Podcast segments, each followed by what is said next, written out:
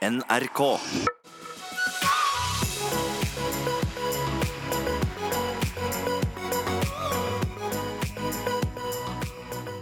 Med de tonene av Kygo så vil jeg si at vi setter i gang eh, ukens fredagspanel, som også er samlet i Kulturnytt her nå. Ingebjørg Sofie Larsen, kulturredaktør i tidsskriftet og nettstedet Minerva.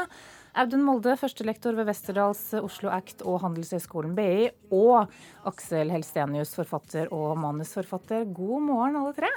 Hei, god morgen. God morgen.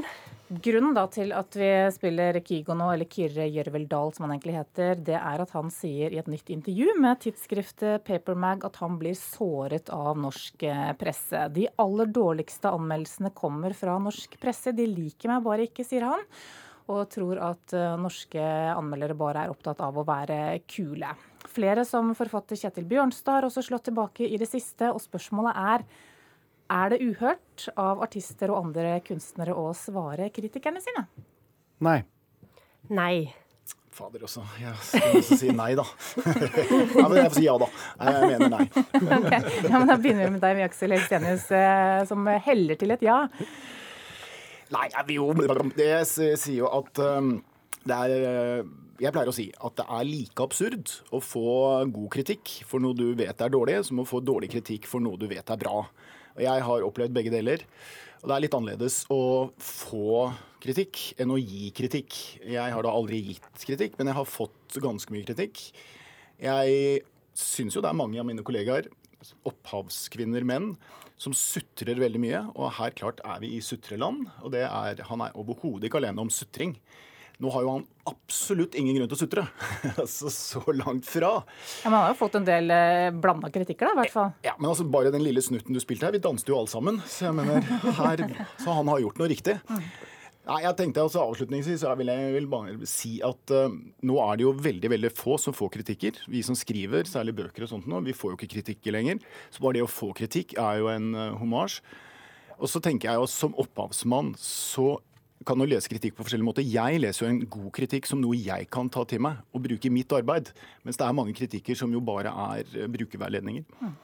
Men jeg oppfatter ikke at Kygo i det tilfellet her sutrer. Eh, Jeg syns at han eh, var ganske sindig. Han er jo en sindig og høflig og ytterst hyggelig mann, Kygo. Og det som han påpekte her, er jo for så vidt helt, helt riktig. Det er jo veldig få norske anmeldere som syns at Kygo er bra. men gir han dårlige anmeldelser eh, uansett. Det kan jo være fordi at musikken hans eh, er middelmådig, selvfølgelig. Det kan man diskutere, men man får jo faktisk mye dårligere omtaler i Norge. Mens i mange eh, blogger og bransjenettsteder og andre toneangivende miljøer i mange andre land eh, ute i verden, som ikke har hovedkontor på, på Marienlyst eller på Youngstorget eller på Grünerløkka, så, så ses han på på en annen måte. Så han, han har jo rett i det han sier. Mm. men jeg syns for så vidt at eh, det kan også være kleint da, å, å kommentere en anmeldelse eller slå tilbake mot en anmelder. Det kommer jo helt an på måten man gjør det på, men en, eh, en kunstner, en artist, har jo eh, lov til å si meningene sine og ytre seg som alle andre. Og det er for så vidt litt ålreit at man viser at man bryr seg om anmeldelsen, da. at man har lest dem, og at man blir engasjert av det. At man går i en, en dialog. Jeg syns det er litt fint òg. Men det er kanskje lettere for han da, som har, eh, som har den statusen han har, eh, Ingebjørg?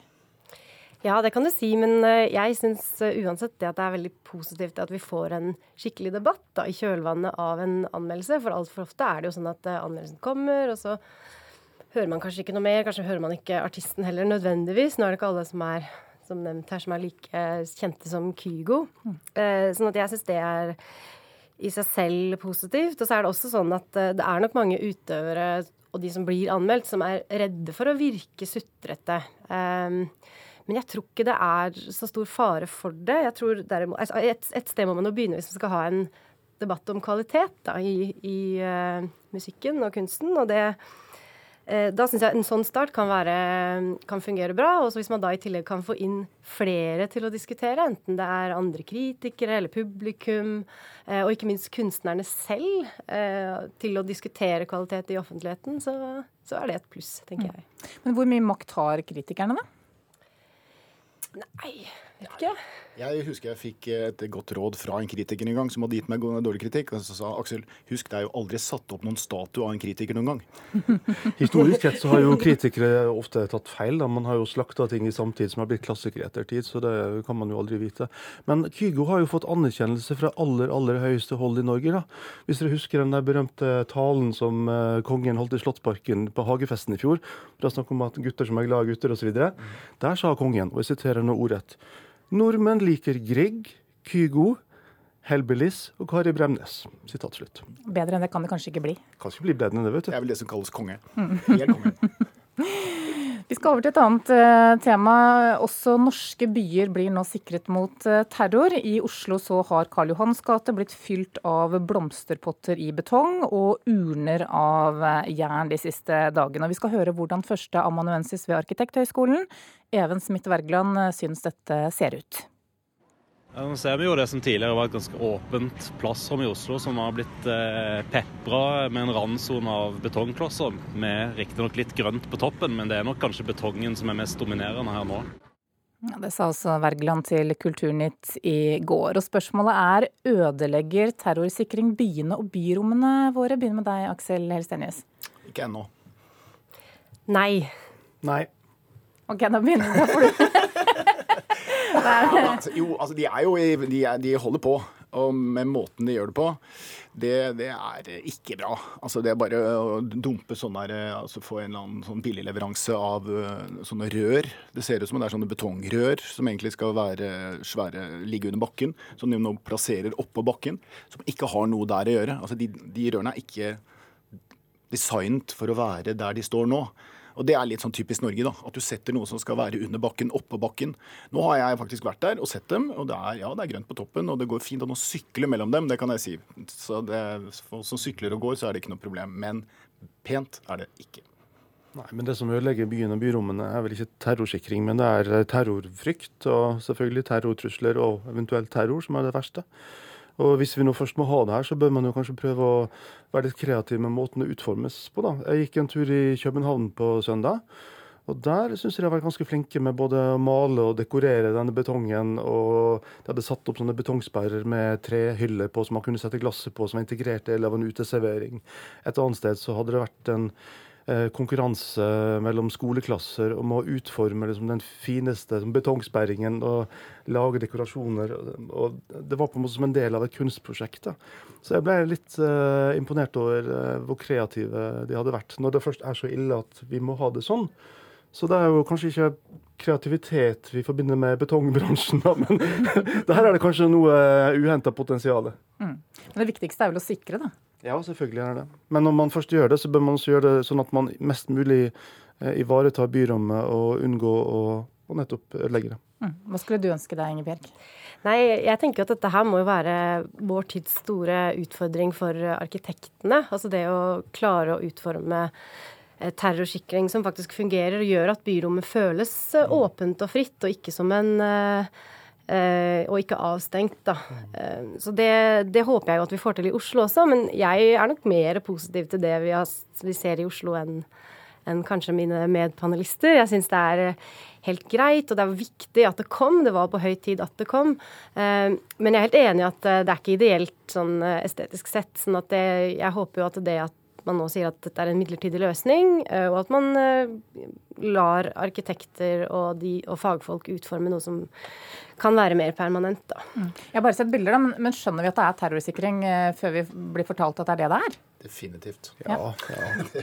Det er veldig mye, veldig mye blomsterpotter, altså. Veldig mye. så høye. De er halvannen meter høye. Har ikke sånne blomsterpotter hjemme. Nei, det Nei, men vi, vi trenger en ny billig betong, rett og slett. Ja, men jeg synes det, er, det er godt eh, eh, å få noe til, til Audun som har vært i København, for det er så typisk. Altså, I i København så har man humor på sånne ting, og det har vi da ikke i Norge. Det er et helt sånn klassisk eksempel på at man liksom OK, vi skal ha nå noe forferdelig ut. Nå bare alle barnehaver og sånt nå inn og mal. Altså, men det, det den ligger langt inne i Oslo kommunes Da er det en herved gitt til Oslo kommune. Ja. Dere bare klipper ut, jeg sender rett og slett meg. Vi skal snakke om Twitter også, for um, ordrike tvitrere som USAs president f.eks. kan nå fryde seg. Nettstedet Twitter dobler lengden på meldingene som brukerne får lov til å skrive. For hittil så har grensen altså vært 140 tegn. Fra denne uken så er den 280. Og um, jeg spør, går utviklingen i riktig retning for Twitter? Nei. Ja. Hva er Twitter? Da kan du begynne med å forklare det. Der, Aksel, du følger ikke med på Twitter. men jeg følger ikke det på Facebook heller, så det går bra. Uh, nei, men litt av det som har, Jeg har vært en ivrig twitrer de siste seks årene. og det som, Noe av det som er gøy, er jo den begrensningen da, uh, på, som har tvunget folk til å liksom, uh, fatte seg i korthet. Uh, og det er litt av uh, varemerket til Twitter som jeg ser, det er jo det 140 tegnene. da. Ja, Det er hele greia, egentlig? Nei, men Litt, uh, de forandrer liksom på noe av uh, kjerneproduktet sitt. da, uh, Uten at det gir noe mål og mening, syns jeg. Og det har vært utrolig mye satire på Twitter. Jeg har lest mange sånn, Nå er det jo hashtagger med 140 forever og sånn. Det er jo masse sånne folk som, som sier uh, Now Twitter makes it able for me to see how I really, really, really, really, really, really, etc., etc. feel. Sånn, så det er veldig mye satire ute og går. Jeg så en skrev også i dag at um, uh, 140 tegn er en kunstform. Og de, for de som ikke uh, liker den, eller behersker den, så er jo Facebook fortsatt åpent, hvis man vil skrive langt. Men for deg så er det det samme, da, selv om det er 140 eller 280? Altså, Jeg har aldri vært på, på Twitter, kommer aldri til å være på Twitter. For meg er Twitter noe som eh, eh, journalister har drevet med. Og så er det jo nå én veldig kjent twitterer. Det er, så det, jeg tenkte, det er kanskje den eneste eh, tanken her. Også gjøre den lang slik at eh, Trump ikke får tid til å drive med politikk i det hele tatt. Bare tvitre. Nå må skrive dobbelt så mye. Han, Ja, Men han, han skriver jo ti tweets etter hverandre, Okay, så han ja. rundt. Ja, da kan si, Jeg vet jo ingen verdens ting om Twitter. Men jeg har lest en veldig god Twitter-novelle. Jennifer Egan, som skrev en novelle som heter The Box. Og det var jo sånn, den ble, Da ble hun ut, ut um, ja, hva heter det noe? Altså, hun ble bedt da om å skrive Twitter-meldinger, altså 140, og den satte hun sammen. Og det ble veldig fint. Så jeg ser en fordel i å kunne formulere seg kort, 140 tegn, og trene seg opp på det. Gir det noe merverdi, Ingebjørg, eh, det at vi utvider da til 280? Ja, jeg tror faktisk det. Jeg, jeg tror ikke at eh, altså, For det første er jo 280 tegn fremdeles en eh, begrensning. Sånn at det er jo ikke sånn at man begynner å skrive lange avhandlinger på Twitter. Jeg tror at sånn som det er i dag, så jeg sjekket faktisk tallene, for jeg ble nysgjerrig hvor mange er det egentlig som bruker Twitter. Og det er 273 000 nordmenn som bruker Twitter daglig. Men så er det over en million eh, som har en profil. Sånn at eh, her tenker jeg at eh, hvis man kunne fått mer av den samfunnsdebatten som i dag foregår på Facebook, i en del sånne lukka, halvlukka vennegrupper på Facebook over på Twitter, så tror jeg det ville vært positivt, i hvert fall her i Norge, da, for samfunnsdebatten her i Norge. Eh, Twitter er jo på mange måter litt åpnere, fordi at man følger de man ønsker. Man er ikke nødt til å eh, være venn med de man diskuterer med, og det syns jeg er en stor, eh, stor fordel med Twitter. da. Ok, Så du ser kanskje for deg at eh, flere tegn rett og slett betyr mer tvitring? også? Mer tvitring, eh, mindre angst for å for denne, nettopp denne kunsten å formulere seg kort. Jeg skjønner ikke at folk har tid, jeg. Altså, å, altså lese 140 tegn, det er jo, tar litt tid. Når vi skal lese 280, da tar det jo enda lengre tid. Det Ja, betyr vel at det blir mindre av det, tenker jeg. Ja, det gjør det. Det tar mye tid. Men jeg kommer til å tvitre etterpå om at vi har hatt et kjempefint fredagspanel i dag, og det skal jeg søren meg greie på 140 tegn.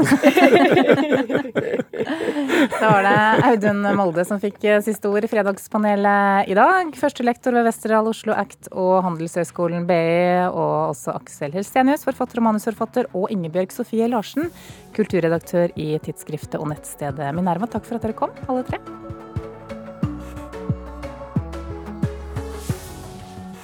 Du har hørt en podkast fra NRK P2.